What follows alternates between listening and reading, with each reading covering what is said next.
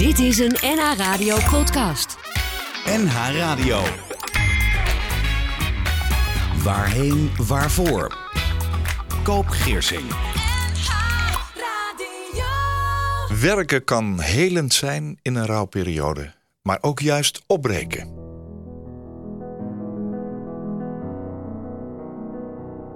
Je luistert naar een gloednieuwe aflevering van Waarheen Waarvoor hier op NH. Ik ben tot 8 uur je gastheer, Koop Geersing, en vandaag heb ik een bijzondere gast aan mijn zijde. Samen gaan we in gesprek over onderwerpen als verdriet, rouw, loslaten, opnieuw beginnen. Bereid je voor op een ontroerend en inspirerend gesprek dat je hart zal raken. En deze aflevering is niet alleen live te beluisteren, maar ook beschikbaar als podcast. Dus als je deze uitzending later nog eens wil herbeleven of wil delen met anderen, dan kun je terecht op nhradio.nl en alle andere bekende podcastkanalen. Mijn gast is yogadocent in Zoetermeer en was de levenspartner van Roy Vliegendhart. Roy overleed op 30 juli 2010 aan de gevolgen van gist, gastro-intestinale stromatumor.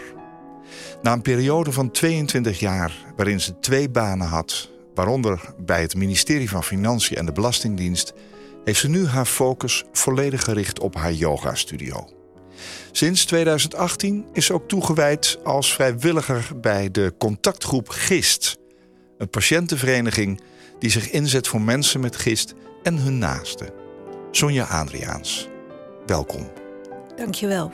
Adriaans is met een Z, hè? Daar hoort nog zoon achter ooit, denk ik. Ja, ik zeg altijd uh, Adriaans zoon de Ruiter. Ja. Dat ik dat altijd weglaat, omdat je geen formulier kan invullen op die manier. Nee. Maar dat is helemaal niet waar. Nee, nee.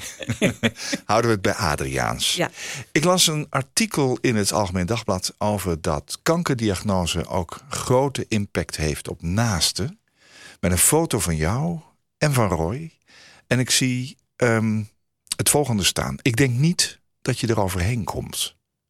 Hoe gaat het vandaag met je? Het gaat vandaag goed. Ik vind het spannend om hier te zijn. Ja. Zo live uh, in, de, in de studio. Ja. Maar uh, nee, het gaat goed. Ja? Ja. Ja. ja. En uh, ik heb zakdoeken en water bij me. Voor het geval ik toch emotioneel ga worden. Ben je dat van tijd tot tijd nog? Jawel, om er zo over te praten. Ja? Dan, uh, ja, dan zit je er weer helemaal in. Van hoe het toen was. Ja. Ja, en dan, uh, ja, dan komen de emoties wel weer, uh, wel weer boven, ja. Ja. Ja. Je hebt ook een nieuwe liefde. Ja. Hij is hier, Jorge, Ja. in de studio. Ehm, Roy Vliegendhart was jouw man. Als zijn naam voorbij komt, hoe denk je dan aan hem? Welke herinnering komt dan het eerst in je op? Um, van een rustige man. Een hele lieve man. En um, ja, ook een man die heel goed kon luisteren naar iedereen. En uh, die niet goed tegen onrecht uh, kon. En uh, of dat nou in de wereld was of dat er dingen op zijn werk waren waar hij het niet, niet mee eens was. Daar, daar kwam hij altijd wel, wel vooruit. Ja. ja. Ja. ja. Je denkt dus aan hem bij leven. Zie je ook nog vaak dat beeld van zijn ziekte voor je? Um, nou, eigenlijk alleen als we het er zo over hebben. En uh, of als ik uh, uh, voor de patiëntenvereniging bezig ben. Ja. En als ik dan zie hoe anders de ziekte hè, bij patiënten verloopt, Ja. dan, ja, dan moet ik daar wel aan terugdenken. Ja. Ja. Ja. Maar zo in, de, zo in het dagelijks leven, dan uh, denk ik uh, zeker nog, uh, nog wel eens aan Roy. Maar niet over die, die ziekteperiode. Nee, nee. nee. Eigenlijk vind ik dat heel mooi. Want dat is natuurlijk een heel klein stukje van zijn leven geweest. Ja. Maar je denkt aan het andere stuk. Het grote Ja. stuk. Ja. Ja. Ja. ja. Ik- zei het al, hij is eh, overleden aan de gevolgen van gist. Gastro-intestinale stromatumor, laten we het gist noemen. Wat is dat eigenlijk en, en hoe verloopt dat ziekteproces? Hoe verliep dat bij Roy? Um, ja, het is een eh, zeldzame vorm van, eh, van kanker. En het valt onder de sarcomen, de weken delen kankers. En eh, daar zijn er nog, nog meer van. En die nog zeldzamer zijn dan gist. Ja, dat bestaat ook nog. Maar ja, gist. eh, het zat bij hem vooral in zijn buikholte. En ehm, ja, we zijn daar achter gekomen. We waren ehm, op vakantie in eh, Zuid-Frankrijk. En toen merkte ik wel dat hij minder ging eten. En dat hij dan, als we op het terrasje zaten, dat hij dan wel een ijsje nam. Maar dat was meer omdat ik ook een ijsje nam. En om mij eh, te plezieren, zeg maar. En, ehm, en hij kon af en toe ook eh, heel veel last hebben van, eh, van, ja, van zijn buik. Buikpijn of zo. Ja, buikpijn. En hij kon zo beroerd worden. Dat moest hij echt gaan liggen. Ja. En we hadden geen idee waar het, waar het van kwam. En eerst dacht ik nog, omdat eh, kort daarvoor eh, zijn vader was overleden. En eh, Roy een aantal nachten eh, in het ziekenhuis heeft gezeten. Dat ik dacht van ja, weet je, die is daardoor nog helemaal eh, Van slag. van slag. Ja, dat zou kunnen. En, eh, maar goed, uiteindelijk eh, heb ik erop aangedrongen van ga nou toch een keer naar die huisdokter. En eh, nou ja, dat heeft hij gedaan. En ja, toen zei ze van ja, ik kan eigenlijk niks vinden. Maar ehm, laten we maar een eh, echo eh, gaan maken. Ja. En toen konden we gelukkig al heel snel voor de echo terecht. En toen zeiden ze daarvan, ja, we kunnen het niet goed zien. We moeten een CT-scan maken. Dus ze hebben een paar uur later die CT-scan gemaakt. En toen zaten we te wachten totdat ze dat eh, infuusdingetje voor die contrastvloeistof eh, uit zijn arm kwamen halen. En toen zeiden ze van, ehm, je- we hebben contact gehad met je huisarts. En je kan nu gelijk terecht voor de uitslag. En dan weet je al van, dit is niet goed. Oh, dat- Want dit doen ze niet omdat we, zo, dat we je zo aardig Nee. eh, vinden. Nee. En uh, dus nou ja, wij gelijk naar de huisarts. En uh, we kwamen er binnen. En nou ja, de deur van de spreekkamer stond open. We konden gelijk doorlopen. En toen zei ze van, uh, ja, ze hebben een groot proces in je onderbuik gevonden. Waarvan ze niet weten wat het is. Maar het groot vermoeden is wel dat het kwaadaardig is. En nou ja, dan zit je daar en dan kijk je elkaar zo aan. Zo van, oké, okay, wat nu? En uh, Roy die had zoiets van, uh, nou ja, oké, okay, het zij zo, maar wat gaan we er dan aan doen? Ja. En um, nou ja, toen zijn we in het, uh, in het ziekenhuis terechtgekomen. En daar hebben ze allerlei onderzoeken gedaan. onder andere dat ze een biopt hebben genomen. Ja. En uh, waar Roy zich toen zorgen om maakte, die zei van ja, uh, ze moesten wel drie keer een stukje nemen. Want elke keer als ze dat in zo'n reageerbuisje deden, viel het uit elkaar. En, dat is echt heel week dus. Ja, heel ja. week inderdaad. Ja. Ja. En uh, nou goed, toen kregen we uh, twee weken later uh, of zo kregen we de uitslag. En toen zei die arts uh, zei van ja, het is gist. En wij hadden nog nooit van gist gehoord, nee, nee. behalve als in brood. Ja. En um, toen zei ze ook gelijk van, want dit was allemaal in het ziekenhuis in Zoetermeer. En toen zei ze gelijk van, ja, dit kunnen wij niet behandelen. Nee. We sturen je door naar Leiden. En uh, ze liet ons ook een foto zien van de scan. Ja. En daar, ja, daar zagen we een groot grijs vlak met wat paar uh, zwarte uitstulpingen erin. Ja. En wij dachten dat die zwarte uitstulpingen, dat dat de tumoren waren. Mm -hmm. Maar dat grotere grijze vlak, dat was uh, een en al uh, tumor. Ja. En ja, en toen zijn we in, in Leiden terechtgekomen. Ja, snap ik. En vanaf dat moment ja. staat je leven op zijn kop, hè? Ja, ja, ja. ja. ja. Jouw vader was al overleden. Ja. Hè? Dus je had al geen vader meer. Dus je had nee. al wel een zeg maar, overlijden van dichtbij meegemaakt. Ja. Maar dit was toch heel wat anders. Ja. Ja. Ja. Daarover gaan we het hebben in deze aflevering van Waarheen Waarvoor. Sonja Adriaans is mijn gast uit Zoetermeer. En ze woont vlakbij de yogaschool waar ze les geeft. In 2010 heeft ze een moeilijke tijd doorgemaakt... waarin ze als mantelzorger voor haar man heeft gezorgd... die uiteindelijk is overleden, Roy. En vier jaar later, in 2014, heeft ze ook haar moeder verloren... voor wie ze eveneens enkele maanden heeft gezorgd.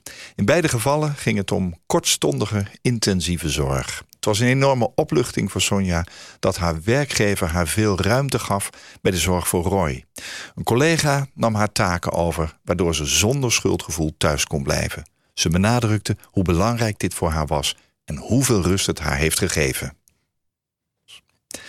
Sonja, vier jaar na zijn overlijden is ook jouw moeder gestorven, die jij ook verzorgd hebt. Uh, nu ben je ook vrijwilliger bij de contactgroep GIST. Wat doet die en, en wat doe jij er?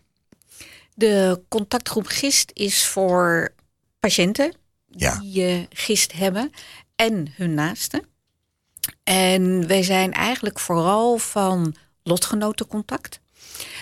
En ook eh, ja, van de onderzoeken en alles die er eh, gedaan worden. Ja. En er gebeurt eh, gelukkig heel veel op het gebied van, eh, van onderzoek, eh, wetenschappelijk onderzoek eh, naar gist. Ze gaan vooruit. Ja, ja. En ja. wat betekent ja. dat?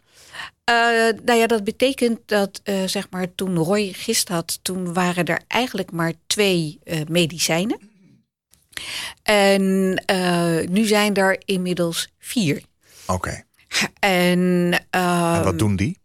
die, ja, die remmen de, ja, de tumor. eh, Proces. ja. Ja. Ja. ja, en bij, eh, eh, kijk, Roy die had heel veel uitzaaiingen Ja. en die kon niet geopereerd worden. Maar er zijn eh, bijvoorbeeld ook mensen en die hebben één tumor die ze kunnen verwijderen. Ja. En nou, dan, dan is het weg. Je kunt ook herstellen dus. Nu. Ja, ja, ja, ja. En vaak is het dan wel zo dat ze nog wel, daar loopt nu ook een studie naar of mensen dan nog drie of vijf jaar medicatie moeten slikken. Oké. Ja. En eh, ja, als het dan daarna eh, goed gaat, dan zijn ze in feite. Dat is heel hoopvol, hè, Ja. eigenlijk. Je zei het is een zeldzame eh, vorm van kanker. Hoe moet ik me dat een beetje. Wat, wat kan ik daarmee? Wat, wat is het? Is het hoeveel op de hoeveel mensen die kanker hebben? Ja, hebben op de, ehm, op de miljoen mensen zijn het er zo'n 250 die het krijgen. Oh ja. Ja, ja dat is. Is die groep groot? Die, merkte je toen je daarbij aansloot van goh, eh, al deze mensen hebben daar dus mee te maken? Ja. Ehm, daar was ik eigenlijk wel eh, verbaasd over. Toch wel. Ja, en ehm, Je dacht, ik kom niemand tegen ooit die dit eh, heeft meegemaakt. En dan kom je zo'n contactgroep. ja, Ja, ja. En ehm, kijk, het was ook. Nee, ik moet het goed zeggen. Kijk, bij Roy was het zo. Was het binnen negen maanden was het, was het voorbij, zijn leven. En we hebben eigenlijk nooit een goede uitslag eh, gekregen. En wat bedoel je daarmee? Eh, dat ehm, eh, hij deed eerst aan een studie mee. Oh ja, Waarvan de arts had gezegd van nou, hè, daar verwachten we wel goede resultaten van. Ja. Nou, dat medicijn wat hij toen kreeg, dat heeft echt helemaal niks gedaan. nee. Toen kreeg hij een ander medicijn en toen ging het wel even goed. Maar toen werden toch de bijwerkingen, ja, werden dan toch te erg. Kreeg je veel last van. Plus dat er toen wel uit de scan bleek dat er eh, eh, een paar eh, tumoren gekrompen waren. Ja. Maar er waren toch ook weer nieuwe bijgekomen. Oh ja, dus nou ja, dat deed het ook niet. Nee. Eh, toen heeft hij een ander medicijn gekregen. eh imatinib heet dat. En dat is wat eigenlijk iedereen als eerste eh, krijgt die dit heeft. En er zijn mensen die slikken dit al twintig jaar. Ja. Maar bij Roy heeft het echt helemaal niks, niks, niks, niks gedaan. Kon je met dit soort kennis, ook in die contactgroep, eh, ja, zeg maar, met mensen praten? Hadden die ook diezelfde ervaring als jij? Eh, nou, niet zozeer dezelfde ervaring. Maar het is wel ehm, fijn om daarover te kunnen praten. Ja, En ook omdat het eh, zo weinig voorkomt. ja. Weet je, dat je dan ook van mensen hoort van ja, je moet elke keer uitleggen wat dit is. Oh ja, Weet je, als je. dat hoefde daar niet. Nee, want als je ja, borstkanker hebt of Ja. darmkanker hebt, Ja. weet je, daar kunnen mensen zich van Ja. alles bij voorstellen. Het echt lotgenoot. Ja, Ja. Ja. Eh, heb jij zelf ehm, meteen het idee gehad van ik ga hier ook dingen doen voor anderen?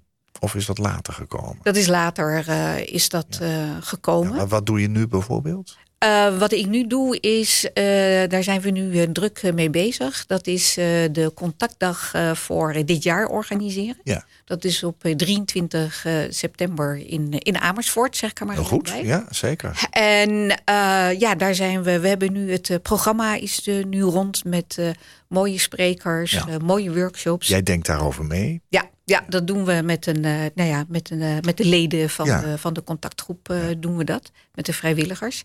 En ja, dus daar zijn we druk mee. We hebben um, 23 juni hebben we online een gistcafé. En dat is. Dat klinkt wel gezellig. Ja, Ja, ja, en dat is ook voor ja, lotgenotencontact. ja. En um, dat is van vier, uh, van vier tot zes. En net als in een gewoon café kan je Ja. binnenkomen wanneer je wil. En kan je ook weer weggaan uh, als je denkt van nou het is genoeg of ik heb wat anders uh, te doen. Ja. En het kan over gist gaan en alles wat daarmee te maken heeft. Maar uh, het kan ook over een, een voetbalwedstrijd gaan Ja. of wat dan ook. Ik snap het. Weet je? Ja. Dus, Blijf je dit doen, denk je? Denk je er ook wel eens over om, om dit af te ronden? Ja, daar heb ik wel eens, uh, wel eens over nagedacht. Ja. Omdat ik merk van, nou ja, weet je, het vraagt wel veel tijd. En ik wil eigenlijk ook nog wel andere dingen doen. Oké. Maar uh, toevallig uh, sprak ik, had ik contact met, een, met een weduwe van een gistpatiënt die in mei is overleden. Ja. En ehm, zij stuurde mij een berichtje en ze zei van dat haar man die contactdag zo bijzonder had ervaren. Ja, En dat ik dacht van, ja, daar doe je het ook eigenlijk voor. zeker. zeker. Ja, dus Ja. eh kans is wel groot dat ik er nog wel even mee doorga. Ja. Doe je het ook een beetje voor Roy? Ja, ook. Ja? Ja, Ja. ja. maar, maar ook omdat het, weet je, het is zo, ehm, het is zo zeldzaam. Ja. En dat ik wel vind dat er eh, ja, gewoon meer aandacht voor mag zijn. Ja. En dat mensen die dit hebben, dat als ze er behoefte aan hebben, want niet iedereen heeft daar behoefte aan, Nee. maar als ze behoefte hebben aan lotgenotencontact of meer informatie daarover, ja, dat we er dan eh, voor ze zijn. Even googelen, gist, lotgenotencontact. Dan kom je vanzelf eh, op de juiste plek. Hè? Ehm, ik ga je zo meteen vragen wat er gebeurde nadat je die boodschap hebt gekregen in dat ziekenhuis. Of in ieder geval bij je huisarts dat het zo was. En we gaan het zo meteen hebben over de grote impact die zijn ziekte ook op jou moet hebben gehad. Maar ik wil eerst naar een lijstje, want ik heb ook jou gevraagd als gast. Stel dat er drie liedjes nu alvast in volgorde moeten zijn die op jouw eigen uitvaart gehoord moeten worden. Welke drie neem je dan mee? Je hebt drie hele mooie en ook hele bijzondere liedjes uitgezocht. Was even vooraf de opdracht een ingewikkelde of had je het al klaar? Het was meer van, ik had er meer op mijn lijstje. Oh, maar je had al een Dat- lijstje. ja, ik had al een lijstje. Ja, ja, ja, ja. ja. En eh, dat ik dacht van, oh ja, welke nou wel, welke nou niet. Oké. Je hebt er drie uitgezocht. Dat is een momentopname, dat kan. Waar gaan we het eerst naar luisteren? We gaan eerst luisteren naar eh, Menla. Ja? En dat is een eh, Tibetaanse mantra. Die, eh, die ik sowieso prachtig vind. Maar wat ik er helemaal mooi aan vind, is dat deze mantra door de Tibetaanse lama's vaak ingezet wordt bij het genezingsproces van mensen die ernstig ziek zijn. Of ook worden ingezet eh, mensen te begeleiden bij hun eh, stervensproces. en dat ze op die manier op een eh, ja, rustige, vreedzame manier over kunnen gaan.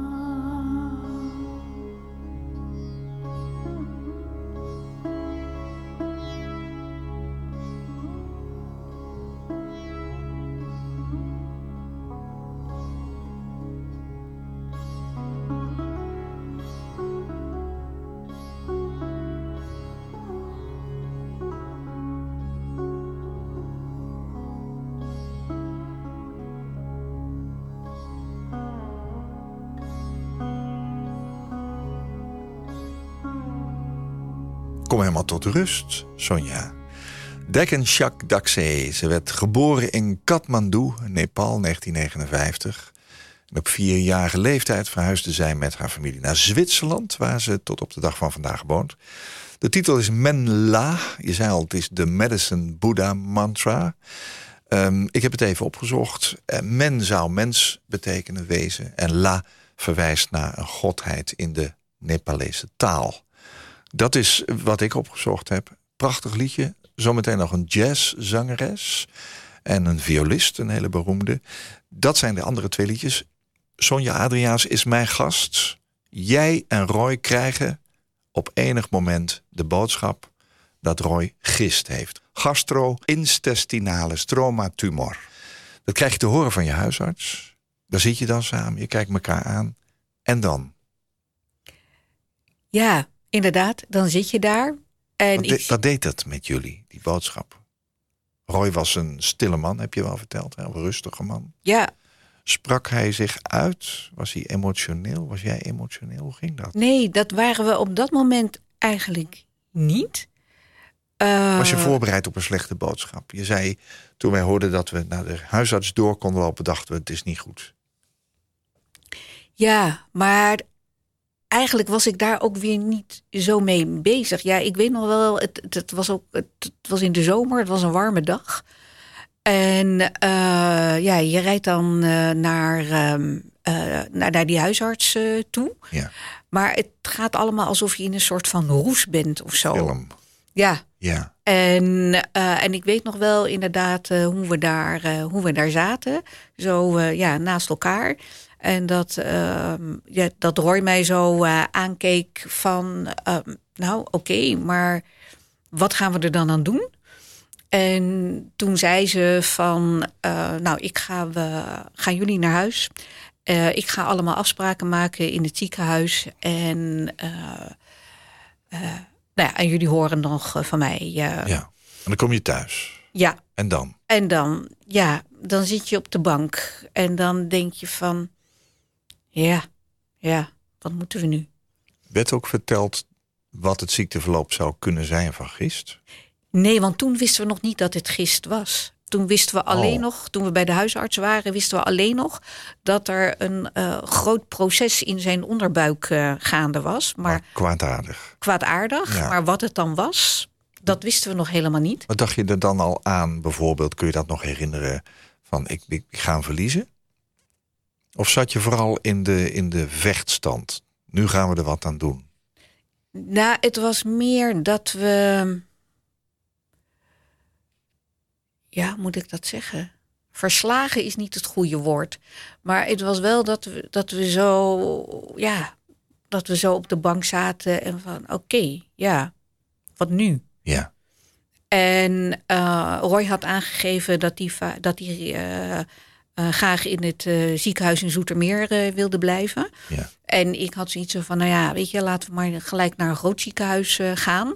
Maar goed, en we hadden toen al wel zoiets van. Um, omdat het allemaal nog een tijdje zou duren, hè, wanneer we daar terecht konden voor al die onderzoeken en zo, dat we dat niet zagen zitten. Nee. En uh, toen zei Roy van, nou weet je, uh, ik bel morgenochtend met de huisdokter en zeggen dat het zo niet gaat. Nee. En dan maar een ander ziekenhuis, dan maar ergens anders. Maar, en wat werd het? Om nog... Werd het Leiden uiteindelijk? Ja, nou uiteindelijk toen zijn we uh, uh, naar het ziekenhuis in Zoetermeer gegaan. Ja. Werd hij opgenomen een paar dagen. En toen hebben ze al die onderzoeken hebben ze toen in één keer gedaan. Ja. En um, en toen konden we dus, uh, ik, ik, denk een week of twee weken later, dat we de uitslag kregen. En toen was het gist. En ja, toen was het gist. Ja. En toen zei die, die oncoloog daar, zij zei van ja, dit zien wij veel te weinig, dit kunnen wij niet behandelen. Ja. Dus we sturen je naar ja. Leiden. Ja. En toen heeft zij ook ervoor gezorgd, want het was toen aan het einde van de week, dat we uh, niet nog een week moesten wachten, dat er nog een weekend tussen zat, ja. maar dat we uh, gewoon daar heel snel uh, terecht konden. Ja. En ja, en toen kwamen we bij dokter Gelderblom terecht. later, hij is nu professor. En dat was een, eh, ja, dat is ook het beste wat ons eh, heeft kunnen overkomen. Ja? Dat we bij hem eh, terecht Dat is een specialist op dit gebied ook. Ja, ja, Ja.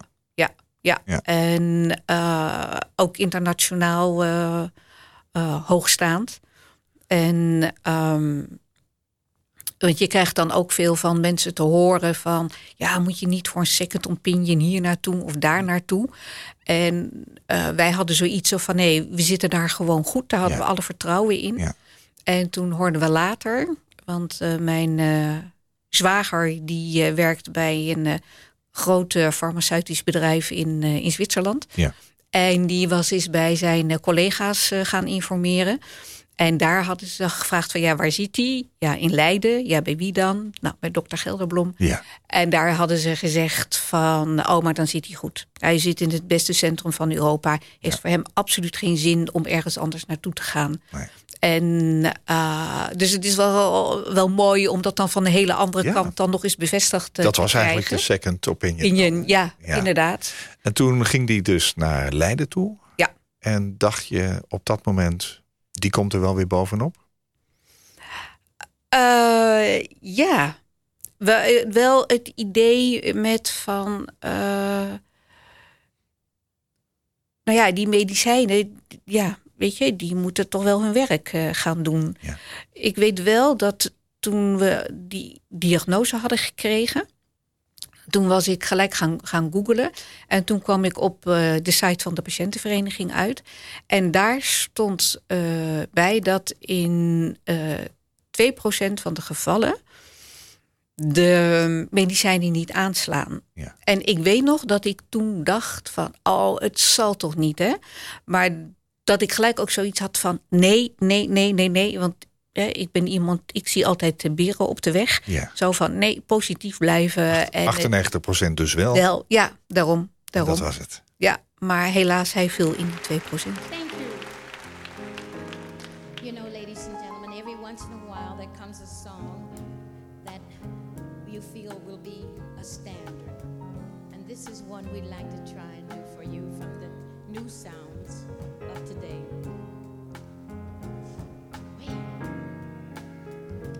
When you're down and troubled and you need some of love and care and nothing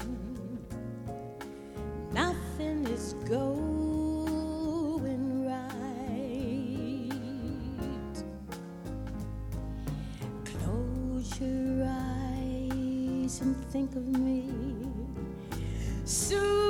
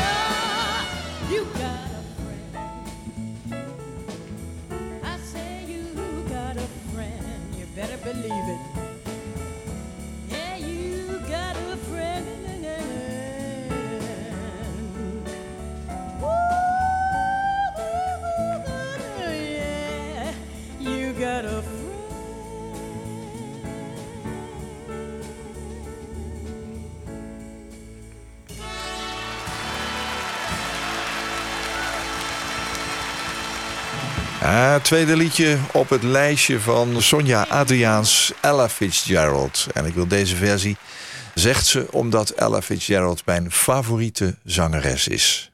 Waar komt dat vandaan?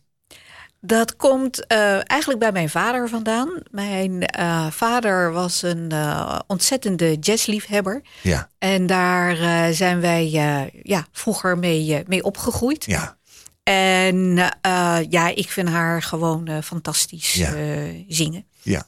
En ik vind dit nummer ja, vind ik heel mooi, omdat You've er zoveel, ja, omdat er zoveel kracht, de manier waarop ze het zingt, Ja. zoveel kracht uitstraalt. Is dat de reden waarom het op je lijstje van drie liedjes staat die op jouw uitvaart gehoord moeten worden? En omdat het hebben van vrienden ja, heel belangrijk is. Ja, ja. Er is weer een nieuwe liefde in jouw leven gekomen. Daar ben ik ook heel blij mee. Ja, hij zit hier hoor in de studio. Ja. Ja. en, dat is, eh, en dat is Gorge. Ja, En nou, die heb ik eh, in eh, 2015 eh, ontmoet eh, toen ik eh, op vakantie ging eh, naar Cuba. ja. Mag ik iets vragen daarover? Is dat, is dat dan lastig om weer een nieuwe liefde in je leven toe te laten? Of gaat het vanzelf?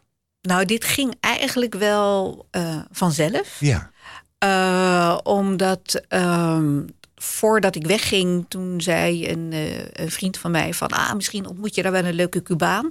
ja, En toen zei ik, ah, nee, daar heb ik helemaal geen zin in. Zo'n liefde op afstand, veel te ingewikkeld. ja. En ik maakte kennis met, eh met Gorge, want hij Ja. was de reisleider van de groep.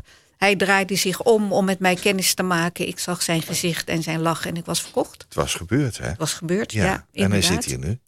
Nou, dat is heel erg mooi. En, en je, je hebt nooit een. Want Roy is natuurlijk ook nog altijd in jouw leven. Ja. De herinnering aan Roy. Ja. En dat kan allemaal naast elkaar. Ja, ja. En, en in die zin, natuurlijk, ik ben sowieso heel erg blij met Gorge. Ja, Maar ook heel blij dat hij daar zo eh, begripvol eh, in is. dat is hij. Ja, zeker. ja. Zeker, zeker. En toen hij voor de eerste keer naar Nederland eh, kwam, eh, toen wilde hij twee dingen doen. En dat was eh, naar het Anne Frankhuis en Roy's familie ontmoeten. Nou, En daar hebben we ook nog steeds goed contact mee. nou, dat is heel mooi. Het is fijn om te horen ook. En het kan. Allemaal naar aanleiding van dit tweede liedje hebben we dit verteld. Hè? You've Got a Friend, geschreven door Carole King. En voor het eerst uitgebracht in 1971. Het kreeg wereldwijde bekendheid in de uitvoering van James Taylor. Die heeft een grote hit mee gehad. En dit was dus de live uitvoering uit 1972. Ella Fitzgerald met het Count Basie Orchestra en het Tommy Flanagan Trio. Mm, Sonja, ik lees over de grote impact op naasten. Uh, Roy gaat naar het ziekenhuis in Leiden. En uh, ik kan in jouw verhaal horen dat je in de regelstand staat, samen. Je denkt, er is nog van alles aan te doen. Je komt in die medicatie terecht, waar maar 2% niet van aanslaat. En Roy blijkt in die 2% te zitten. Welke impact heeft zijn ziekte vervolgens op jou persoonlijk gedurende, nou ja, zeg maar, eh, jouw leven ook? Want ik begrijp dat je het allemaal hebt gedaan met liefde, zijn de begeleiding, maar het was wel zwaar. Hoe ging dat en, en wat deed dat met jou zelf? Want jij werkte, twee banen notabene. Ja, ik stond inderdaad uh, vooral in de, in de actiestand. Ja. En uh, dat kwam ook omdat uh, het met die medicijnen niet goed ging. Nee. Dus dat je constant kijkt van ja, gaat het nog goed met hem? Uh, want hij moet hiervan opknappen, Ja. maar dat doet hij niet. Nee. Uh, moet ik het ziekenhuis bellen? Heeft hij pijn? Hoe zit het met die bijwerkingen? Deed je dat met je En- werk dan? Was dat voor jou eh, afleiding of was, het, was, het, was dat ook een lastige combinatie? Nee, eigenlijk, eigenlijk ook weer niet. Omdat ik, eh, zeker van mijn werk, ik werkte toen eh, bij het ministerie van Financiën. Ja. En daar heb ik vanaf begin af aan alle tijd en ruimte gekregen. Eh, om, als ik bij Roy wilde zijn, als ik mee wilde naar het ziekenhuis, Ja. dat, kon, dat kon altijd. En ze hadden zelfs iemand anders van een ander organisatieonderdeel eh, aangenomen om mijn werk te doen. Ja. Zodat ik me daar geen zorgen over hoefde te maken. Dat mijn werk ging gewoon door. Ja. En dan kon ik er zijn, dan was ik er. En zo niet, dan niet. Nee. En ehm, ja, je hebt wettelijk gezien heb je geloof ik recht op eh, tien dagen Ja. zorgverlof eh, per jaar. En hoe ze het verder allemaal geregeld hebben, geen idee. Maar ik was er gewoon. Het heeft jou wel geholpen. Het heeft mij ontzettend Ja. geholpen. Je had, kon alle tijd vrijmaken voor Ja. Roy. Ja. Maar ook voor jezelf. Ja. Heb je die tijd ook voor jezelf gehad? Nou ja, weet je, ik, ik maakte wel eens een, eh, een ommetje in, in, in de buurt. Ja. Maar dan had ik wel vaak dat het dan me opeens eh, kon aanvliegen. Ja. En dat ik dacht, zo, oh gaat het nog wel goed met hem? Ik moet, ik moet naar huis, ik moet naar huis. En, eh, en dan kwam ik thuis en dan was er niks aan de hand. Althans in die zin lag hij gewoon op bed te slapen Ja. bijvoorbeeld. Ja. Ehm, maar ja, je bent er wel altijd eh, mee bezig. Ja. En eh, mijn yogalessen, die eh, heb ik wel door laten gaan. En Roy wilde dat ook vooral. Ja. En, ehm, en mijn yogastudio is aan huis. En vanaf mijn yogamatje kan ik naar de, naar de woonkamer kijken. Ja. En dan zag ik bijvoorbeeld van, oké, het licht gaat aan. Ja. Dus oké, gaat goed. Ja. Of ik denk, oh, hij doet de gordijnen dicht. Ja. Oké, gaat goed. Want Roy was op enig moment thuis. Ja, ja, hij is, en nadat hij die diagnose had gekregen, is hij ook nooit meer gaan werken. Dat, dat, dat ging niet meer. Hij heeft het toen nog wel geprobeerd. Nee, maar omdat hij ook een tijdje in het ziekenhuis lag. Maar Ja, hij heeft eigenlijk alleen voor de onderzoeken in Ja. het ziekenhuis Ja. eh, gelegen. Ja. En, ehm, en tussendoor een, eh, eh, een keer, toen had hij zo ongelofelijke pijn. En toen bleek dat zijn tumoren aan het bloeden waren. Ja. En toen is hij eh, opgenomen geweest, bloedtransfusies gekregen. ja, En, en helemaal op het eind, hij is uiteindelijk in het ziekenhuis overleden. toch wel. Ja, ja, ja, ja, ja. Was je bij hem? Nee. Ik was net even naar huis. En ehm, ik was de hele nacht eh, bij hem eh, in het ziekenhuis eh, geweest. Ja. En ehm, zijn broer en zus die waren er. En toen dacht ik van nou, ik ga nu even naar huis, even omkleden, douchen. En vrienden van ons, hele goede vrienden, die zijn met mij meegegaan naar huis. En toen ik thuis was, toen hoorde ik dat hij net was overleden.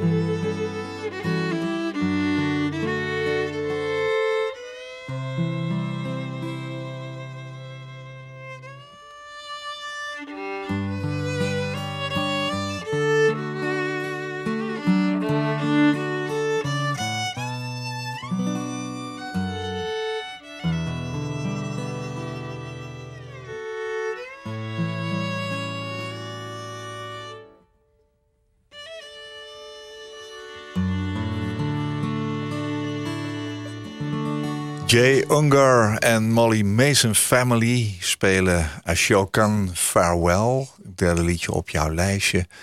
Het sloot ook heel mooi aan bij jouw verhaal over Roy, die uiteindelijk toch besluit om te gaan op het moment dat jij er niet was.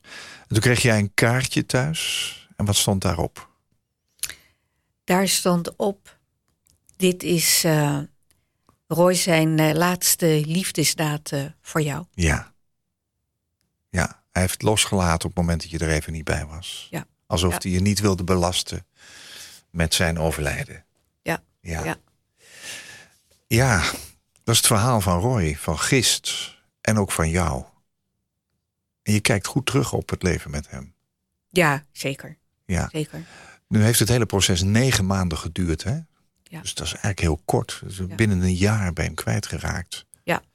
Vier jaar later overlijdt jouw moeder. Heeft het heel lang geduurd voordat je weer het gevoel had... Eh, ik heb mijn leven weer een klein beetje op orde? Of is dat raar gezegd?